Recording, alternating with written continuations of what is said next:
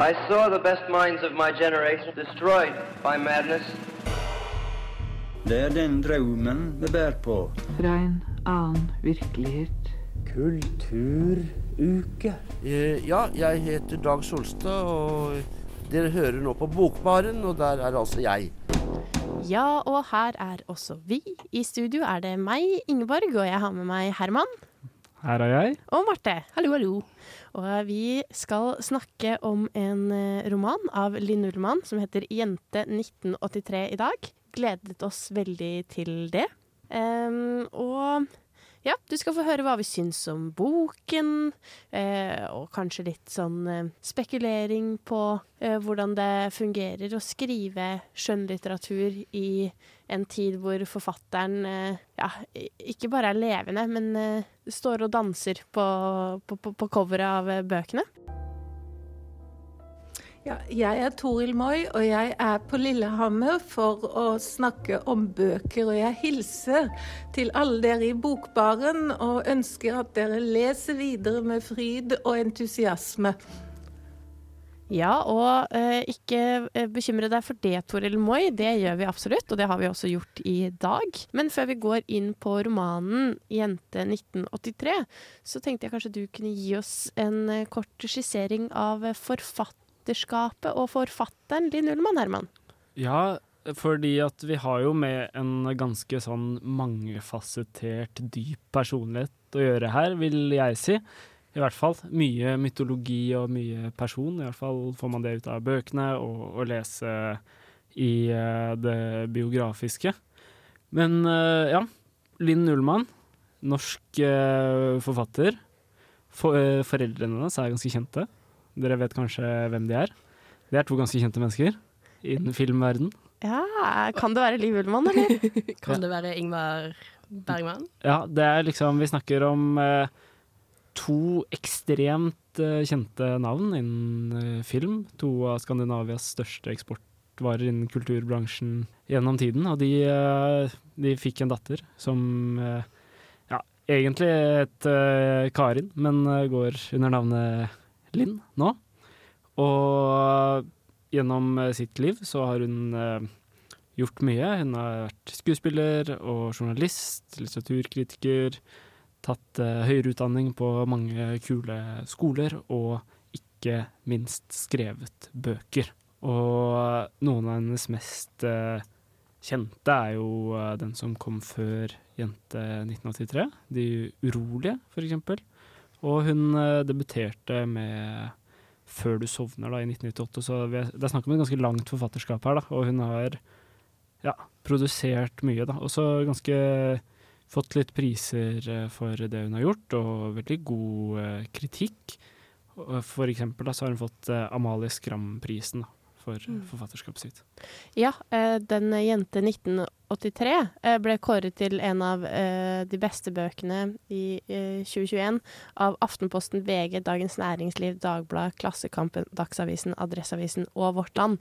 Så det er ikke noe tvil om at Linn Ullmann er en celebrert forfatter da, i en, en norsk sammenheng, men hun er jo også oversatt til andre språk. Ja, over, bøkene hennes er oversatt til over eh, 20 språk, så absolutt eh, en, på en måte en eksportvare, da, og det er på en måte en slags eh, Det ligger en del i forfatterskapet hennes, da. Hun har jo stor slagkraft og mye ringvirkninger. Hadde dere lest noe av henne før i dag, eller? Nei, men jeg har hatt veldig lyst eh, til å lese den eh, De urolige, som mest handler om forholdet til Ingmar Bergman. Men jeg har ikke kommet til det enda. Det er så mye som skal leses. Eh, men så jeg føler at jeg har hatt et sånn veldig forhold til forfatterskikkelsen Linn Ullmann, og vært på en måte bevisst på hennes eh, eksistens og nærvær i, i litteraturverden. Men jeg har, har ikke fått lest noe før denne romanen her, da, 'Jente 1983'. Mm, Nei, ikke jeg heller. Uh, ble på en måte mer observant spesielt etter hun var nominert til uh, Lytterprisen, P2 sin uh, romanpris, uh, hvor den var blant annet nominert. Um, jeg husker en venninne av meg leste den, og hun var ikke spesielt eh, begeistret, som jeg syns var veldig interessant i forhold til måte, hvor mye god kritikk den har fått. Da. Um, så jeg er veldig glad for at jeg endelig har fått liksom, muligheten til å plukke den opp. Ja, og på det tidspunktet så var jo jeg og Marte da i Bokbarn sammen med vår eh, forhenværende medlem Magnus, som da Mm. satt i juryen eh, på P2-lytternes romanpris når denne boken skulle eh, vurderes. Og så vidt jeg husker, så likte Magnus den ganske godt. Ja. Så- det. Men det er interessant det der med når en bok eller eh, en forfatter blir så feira eller godt mottatt at man har noen sånne eh, kritikker. Ja, det vil jo alltid på en måte være noen som på en måte ikke setter like pris på litteraturen. Da. Ja ja, vi har jo alle våre forskjellige meninger. Men hva med deg, Herman? Er dette din første Linn Ullmann-bok? Ja, det er jo eh, Ja, det er min første Eller den første romanen jeg har lest av Linn Ullmann. Jeg føler jo sånn derre Sjangeren er jo veldig kjent, liksom. Sånn autofiksjon og virkelighetslitteratur. Det er jo noe jeg på en måte har brukt mye tid på, men ikke noe av vennene. Det nærmeste jeg kommer, er jo at jeg har sett Ingmar Bergman-filmer og, og sånn. Men, eh, men nei. Men absolutt eh, noe jeg har lyst til å komme tilbake til. og ja, Satt veldig pris på leseropplevelsen nå, i hvert fall. Eh, ja, vi skal jo gå litt inn på romanen, hva den handler om, ikke minst. Eh, så du som eh, kjære lytter kan henge litt mer, på, mer med på hva vi snakker om. Dette er jo en bok som har vært ute i noen år nå, så det kan nok bli noen spoilers sånn handlingsmessig, bare for at vi skal kunne snakke godt om boken. Um, men vi skal også gå litt inn på hva vi likte, og eventuelt ikke likte. Hei, hei. Eh, Dette er Vigdis Hjort. Jeg liker navnet på denne radiokanalen, Radio Revolt. Hør på magasinet Bokbarn. Det å sitte på bar og lese bok, det er ikke det verste. Nei, det er heller eh, sikkert ikke det verste å sitte på bar og skrive bok. Eh, nå vet jeg ikke om eh, Linn Ullmann har gjort det eh, i forbindelse med denne boka her, men det er jo en veldig sånn tydelig forfatter, eller fortellerstemme, eh, som griper inn i handlingen i Jente 1983 og kommenterer på skriveprosessen sin. Og kan ikke du ta oss litt gjennom eh, Gi oss en synopsis, Marte. Ja, for det er det som er så interessant med denne boken her, er at det er jo på en måte litt sånn metaprosjekt på en måte. Um, du møter da denne fortellerkarakteren, som jeg tror hun kaller seg for Karin. Eh, som alltid er på en måte interessant i forhold til hvem forfatteren er. Eh, og vi da møter henne i hovedsakelig to um, to format. Vi møter henne da i 1983 som 16 år gammel jente, og med sånn dagens voksne kvinne som ser tilbake på eh, livet sitt og hvordan hun har det nå. Ja, veldig sånn uh, tidfesta begge hendelsene. For det er jo en pandemi og så videre Ja. uh, Mm. når uh, den eh, voksne Karin skriver det. Absolutt. Eh, og det er jo da en fortellerstemme som er veldig på en måte selvkommenterende, så du sier at eh, Kommenterer òg på at hun skriver en bok, og hun tviler veldig på seg selv. At en veldig sånn eh, Har vi ikke hatt noe ord for det? Sånn unreliable narrator. Som litt vanskelig å på en måte stole på. Og det er hun veldig obs på selv. Så jente 1983. Så vi møter da denne 16 år gamle jenten eh, som har en ganske kjent mor. Det legger hun ikke måte, så veldig mye skjul på. Eh, og som 16-åring så møter hun da den mystiske A, som ikke får noe mer navn enn det, i eh, en heis, mener jeg. Og han ser noe i henne, og jeg vil gjerne ta henne med til Paris for å gjøre henne til modell, ta bilder av henne. Og som man gjerne tenker på modellkarrieren, og kanskje på 80-tallet, så går ikke det så veldig bra for denne fortellerkarakteren. Nei, det er jo noen uh, lumske eh, menn, særlig, i denne bransjen. Uh, an, flere anmeldere har sagt at dette er historien om Røde til Rødhette 16 år og ulven eh, 40 pluss. Um, og det kan vi vel si oss enig i.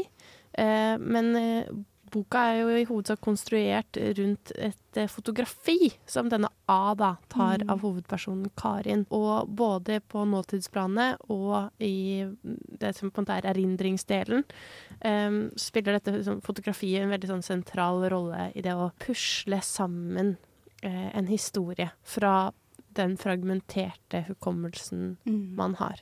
Eh, men eh, ja, Marte, hva skjer, eh, hva skjer så i Paris? Eller kan du gå litt inn på det og si hva som skjer videre? Ja.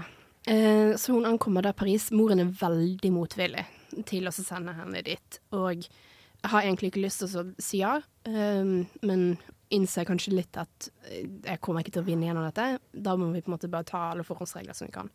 Så en av betingelsene for at hun får dra, er at hun skal være på dette hotellet klokken ti og eh, ringe moren eh, hver kveld. Hun møter denne A, og hun kan ikke snakke fransk spesielt godt. Eh, glemmer ganske med en gang hvor dette hotellet er, hva det heter. Og så blir hun da utnyttet, da. Over en, måte ganske lengre Ja, gjennom egentlig store deler av denne eh, turen. Ja, for det, eller de oppholdene her, eller oppholdet i Paris som beskrives, da.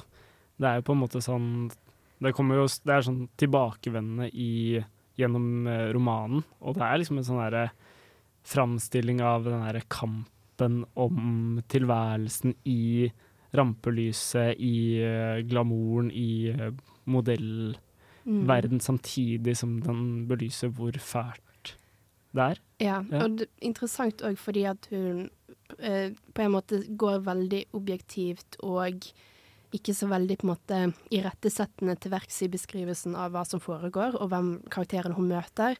Eh, for eksempel hun møter noen eh, modelljenter som eh, til en viss grad prøver å ta litt eh, Være litt omsorgsfull mot henne og på en måte hjelpe henne litt, men samtidig på en måte ikke nok til å på en måte hjelpe henne helt ut av situasjonen.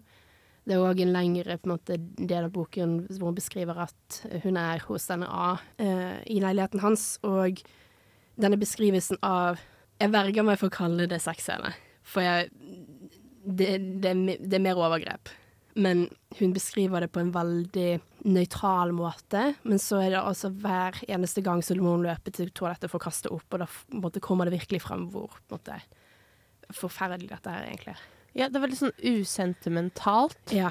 Eh, men det er råheten i liksom, beskrivelsene er jo det som gjør det veldig på en måte veldig sentimentalt eller veldig vondt for leseren. Mm. Eh, så det grepet syns jeg funker veldig godt. Eh, men man blir jo litt sånn dratt til den her erindringen, Paris-situasjonen, ikke sant. For der, der skjer det noe spennende. Man venter jo eh, kanskje egentlig Møter seg selv i døra der. Det er vondt å lese om overgrep, men det er det, også det du sitter og venter på, den skildringen fra As leilighet, ikke sant. Hva skal mm. skje? Eh, narrativet drives framover. Men eh, det er veldig viktig det som skjer i 2021, da, eller i 2020 også. Mm. Eh, for der går fortelleren, eh, og forfatteren egentlig, gjennom en ganske tung depresjon, og snakker jo på en måte om denne skriveprosessen og hvordan hun jobber med å, sk å skrive om det som skjedde i Paris 1983. Og opplever jo kanskje at det er en slags sånn katarsis i å skrive om eh, det som skjer, samtidig som det virker jo også litt utløsende for den herre apatien, da, og depresjonen som fortelleren følger på. Mm. Ja, for er, det er liksom en slags sånn erkjennelsesroman uh, som mm. uh, Og den er jo sånn det er verdt å nevne at den er veldig fragmentarisk. Da, at man befinner seg på mange geografiske steder. Det er liksom uh, Og tidlige steder. Så du har liksom Oslo, Torshovparken i 2021, og så har du eh, eh, Paris i 1983, og så har du New York, der det også er en Der hun befinner seg i ungdommen og har liksom sitt hjem, da. Så det er liksom sånn, jeg vet ikke, vekslende og så slags sånn oppgjør med forskjellige steder til forskjellige tider, da. Mm. Som på en måte gir romanen forskjellige nivåer å lese på. Ja. Hva syns eh, dere om boken? Eh, jeg eh, For meg var det en veldig interessant lesning, og jeg på en måte Jo mer og mer sånn autofiksjon, virkelighetslitteraturaktige bøker jeg leser, så blir jeg mer og mer investert, og jeg syns at denne er god. Veldig god til tider. Og noen ganger så på en måte blir det, blir det, litt sånn for eksponert og sterkt for min del. Og så setter jeg jo veldig pris på å bli sjarmert av sånne litterære referanser som gjennomsyrer denne romanen. Så alt i alt et ganske godt inntrykk. Altså. Marte? Eh, jeg skal prøve å holde tunga rett i munnen. Um, for at når uh, I de delene av uh, boken som er gode, og som jeg syns at Line Normann har god tek på, så skriver hun helt fantastisk. Og det er deler av denne her boken som er virkelig helt fantastisk. Men for min del så følte jeg når jeg leste at hun hadde litt for mange baller i luften som hun ikke helt Jeg følte ikke hun hadde kontroll på. Um, og spesielt kanskje litt dagtid-stemmen. At det var noen ting som bare falt litt kort, og det var litt mange tråder som jeg ikke følte hun klarte å på en måte um, samle. Um, som gjorde at det var en veldig fin opplevelse, men jeg ja. Jeg syns det var mer interessant å diskutere den nå enn å lese den. Hei, det er Junidar. Les Ibsen, og lytt på Bokbaren.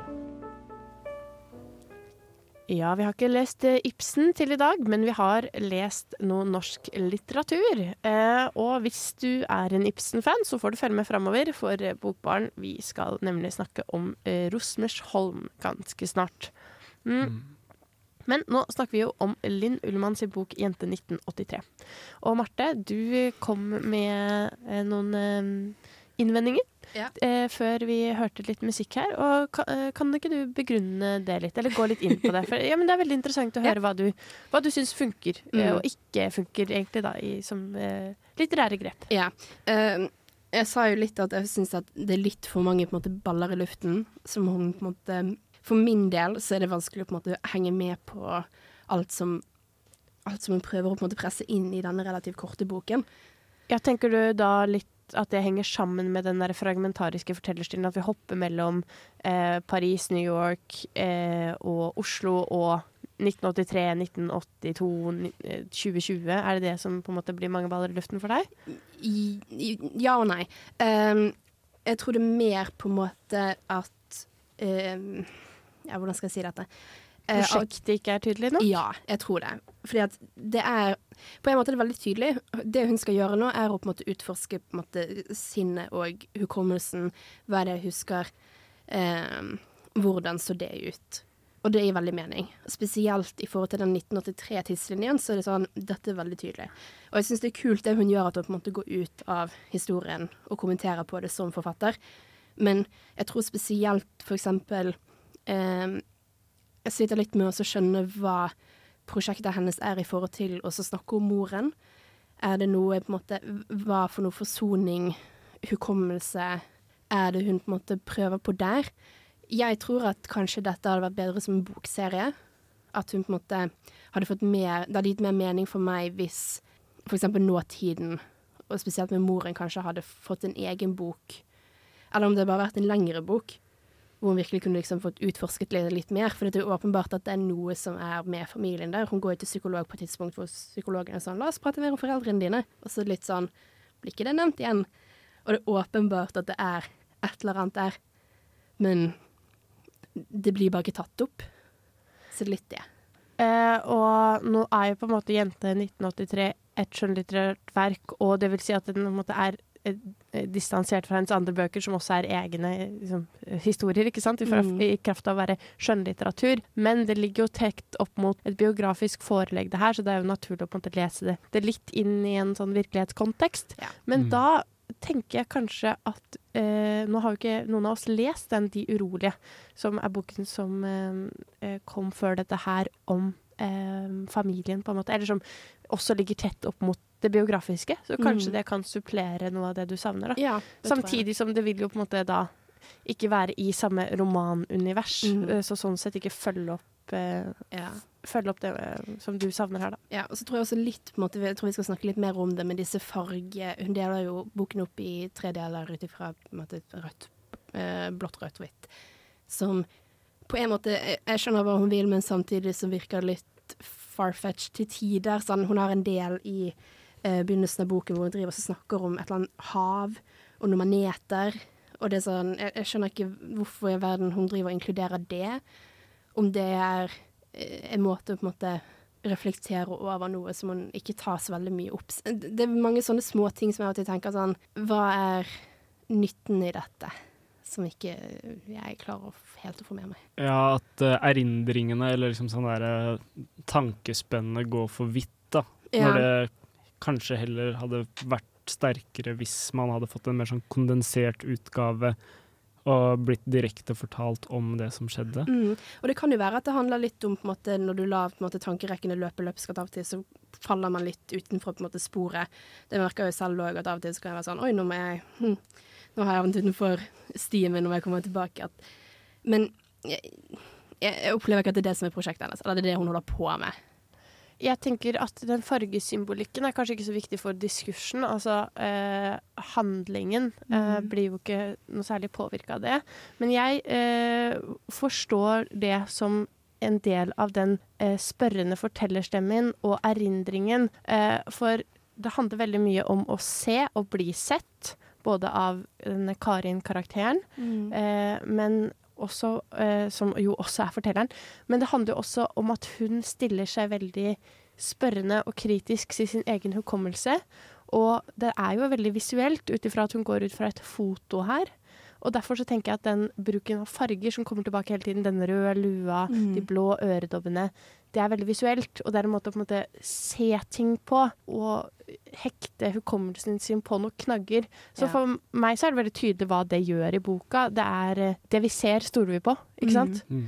Eh, så, så det blir en sånn veldig sånn konkret måte å, å erindre på, da. Ja, jeg har bare en tanke om det med det der fragmentariske, at det er veldig mange baller i luften, som du sier, Marte. At det er måte, Jeg får veldig sånn inntrykk av at hun skriver sånn som det er når man skal forklare noe man syns er veldig, veldig vanskelig. Mm. At det er liksom at det blir Åh, nå, må man, nå må jeg spore av med en anekdote, eller nå må jeg inn i en annen historie for å skape kontekst. At det blir veldig sånn derre den vei- sånn, Det største trekket ved denne boken er at det som fortelles, er utrolig vondt, føler jeg. Mm. Eh, samtidig så er det jo ganske imponerende å oppsummere på en måte det som faktisk har skjedd, ikke sant? Eh, de faktiske hendelsene.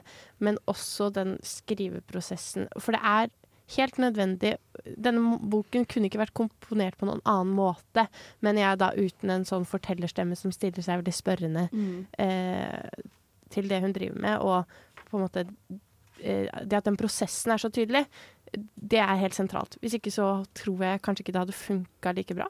Det er ganske imponerende det der med at hun har klart å få fram denne prosessen, ikke sant? samtidig som de faktiske hendelsene er gjengitt i en bok på ja, knappe 200 sider, eller?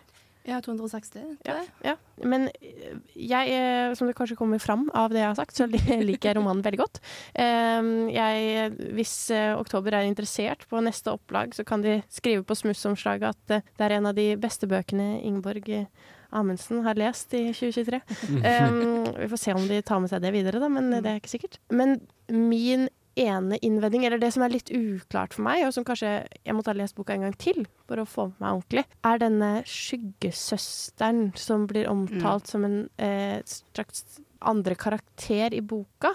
Eh, for jeg var, er tidvis litt forvirra. Først så trodde jeg kanskje det var den 16 år gamle versjonen av eh, fortelleren. Men det virker heller å være en slags sånn ja, per personlighetstrekk, eller det blir jo beskrevet som en sånn usynlig venn. Mm. Og jeg syns det funker veldig godt i, i det um, erindringsdelen. For da skjønner du at det er et barn som trenger venn, ikke sant. Mens i 2021 så er det litt mindre tydelig for meg hva den representerer. Fordi hvis det skal være denne depresjonen som forteller deg inni, så syns jeg det funker. Men av og til så virker det ikke som det er den depresjonen, og da blir jeg litt forvirra på, på en måte, ja, rollen da, som denne Mm. eh, skyggesøsteren spiller. Hva, hvordan syns dere det funka med, med den karakteren? Jeg er også enig med det du sier, at det var noe som jeg på en måte Det tok litt tid. Jeg, for jeg tror det først på en måte på sånn side 180 eller noe sånt, hvor hun virkelig på en måte nevner Forklarer på en måte denne skyggedelen litt bedre. Og da tenker jeg sånn Å, det var litt sent å på en måte inkludere oss i tankerekken her, men det er nå greit. Men jeg er enig med deg at det er litt usikkert på en måte hva som er tanken der. Av og til så lurer jeg litt på om det er en type sånn Kanskje et lite barn eller et eller annet som, som trenger mer omsorg. Om det er Jeg vet ikke. Traumene, angsten, tvilen Ja, jeg vet ikke helt.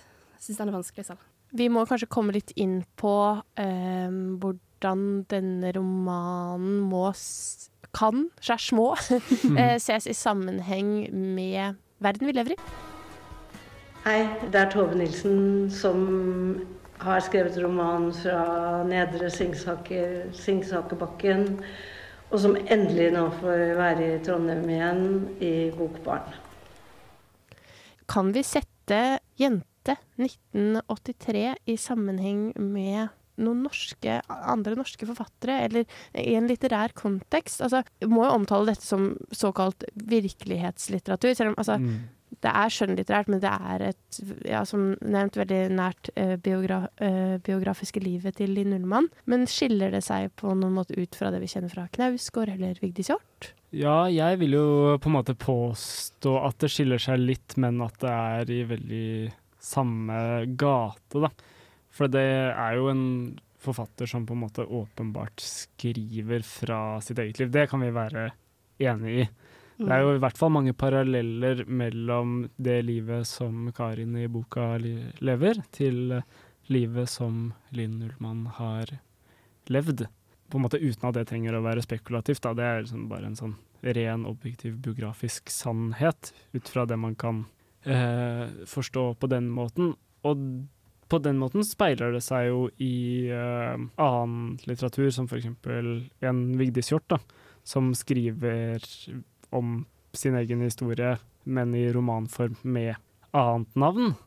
Men eh, hvis du tar en Knausgård, da, som skriver om Karl Ove Knausgård, bare seg selv, da blir det kanskje litt annerledes. For det er ikke helt i den måten. Det er litt mer sånn anonymt. Ja, det er et eh, Jeg vet ikke om det er riktig å si et sted imellom heller. fordi i Knausgård har du på en måte, eller i Thomas Espedal så har du den derre eh, romankarakteren. Karl Ove Knausgård, eller romankarakteren Thomas Espedal. Mm. Eh, men eh, når du kaller en eh, karakter det samme som det du heter, så eh, trekker du jo på en måte vekk et sånn slør som er der i Vigdis Hjorth, som du sier, Herman, Mm. som skriver om sin historie i mer sånn romanform. Um, Og det her, litt av grunnen til at det her er annerledes, er jo fordi at det ikke er så veldig påståelig, og fordi at um, forfatteren ikke liksom er veldig tydelig på at dette er en uh, erindringsprosess, og at hun ikke kommer med noen absolutte sannheter. Jeg tenkte jeg skulle bare lese et lite utdrag uh, fra Jente 1983. Det at ingen husker det som skjedde, at det ikke er skrevet om, gjør at jeg tviler på at det jeg opplevde er sant. Jeg tviler på at det faktisk skjedde, eller om jeg vet at Eller jeg vet jo at det skjedde. Dumme lille jente, du har ingenting her å gjøre. Men jeg tviler på at det jeg opplevde er gyldig, at det er noe vits i å løfte det fram. Og samtidig, hvis jeg ikke skriver om det fordi jeg tviler, fordi tvilen skaper angst, fordi jeg gjør nesten hva som helst for å slippe å ha angst, fordi tvilen og angsten hensetter meg i den samme hjelpeløse tilstanden som da jeg var seks, 16 år, så glemmer jeg, som Annie Ernaux skriver, at dette hendte meg fordi jeg skulle fortelle om det.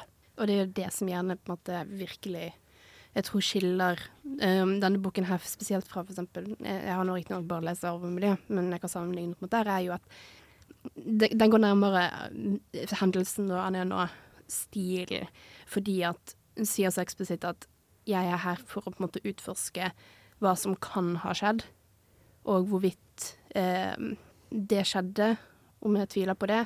Det er mer enn bare prosess for å liksom få det ut. Og jeg skal ikke sitte her og så komme med noen spekulasjoner rundt Vigdis Hjort sine intensjoner med arv og miljø. Eh, men det er sånn som her var sagt, mer en, måte, en roman som tilfeldigvis er nær en potensiell virkelig hendelse. Jeg føler at uh, Linn Ullmann er veldig ærlig på prosjektet her, uh, ved å skrive på denne måten. Og at, uh, som du sier, Marte, hun kommenterer på det selv at det liksom er paralleller Eller hun støtter seg på ja, skikkelser som Annie Ernaux, Virginia Woolf, Anne Carson, som har gjort noe av det samme. Og på den måten så påkaller hun en sånn skjønnlitterær ånd inn i Mm. dette ja, virkelighetsnære universet. Eh, men det er jo sånn at enhver forfatter skriver jo ut fra selvopplevelse eller selvbiografi på et, et eller annet tidspunkt. Selv om det er 100% fiksjon, fantasy, så henter du jo opplevelser fra et eller annet sted. Eh, og derfor så føler jeg at Linn Ullmann er bare veldig ærlig med oss her på hva prosjektet er. Men hun eh, er ikke så veldig bastant. Noe mm. som jeg føler at f.eks. Karl Ove Knausgård er veldig mye mer sånn tydelig på når han skriver om karakteren Karl Ove Knausgård. Det føler jeg på en måte en av styrkene òg i denne boken, at hun er veldig ærlig på den Mm. fronten. Ja, for det er jo liksom sånn eh, For meg så fremstår det liksom som en sånn slags psykoanalytisk sånn selvransakelse der man pleier å, eller prøver å få sine traumer opp til overflaten Mm. og reflektere over de. Absolutt. Um, og et spørsmål her som kanskje er litt retorisk. Um, får vi sympati med fortelleren, eh, og kanskje i forlengelse da, Linn Ullmann, eller forfatteren? Det er vanskelig å ikke det, Jeg har ikke lyst til å være så slem, men det er noe galt med deg. Hvis du ikke får sympati med denne karakteren her. Ja, det, er en, Det er helt forferdelig.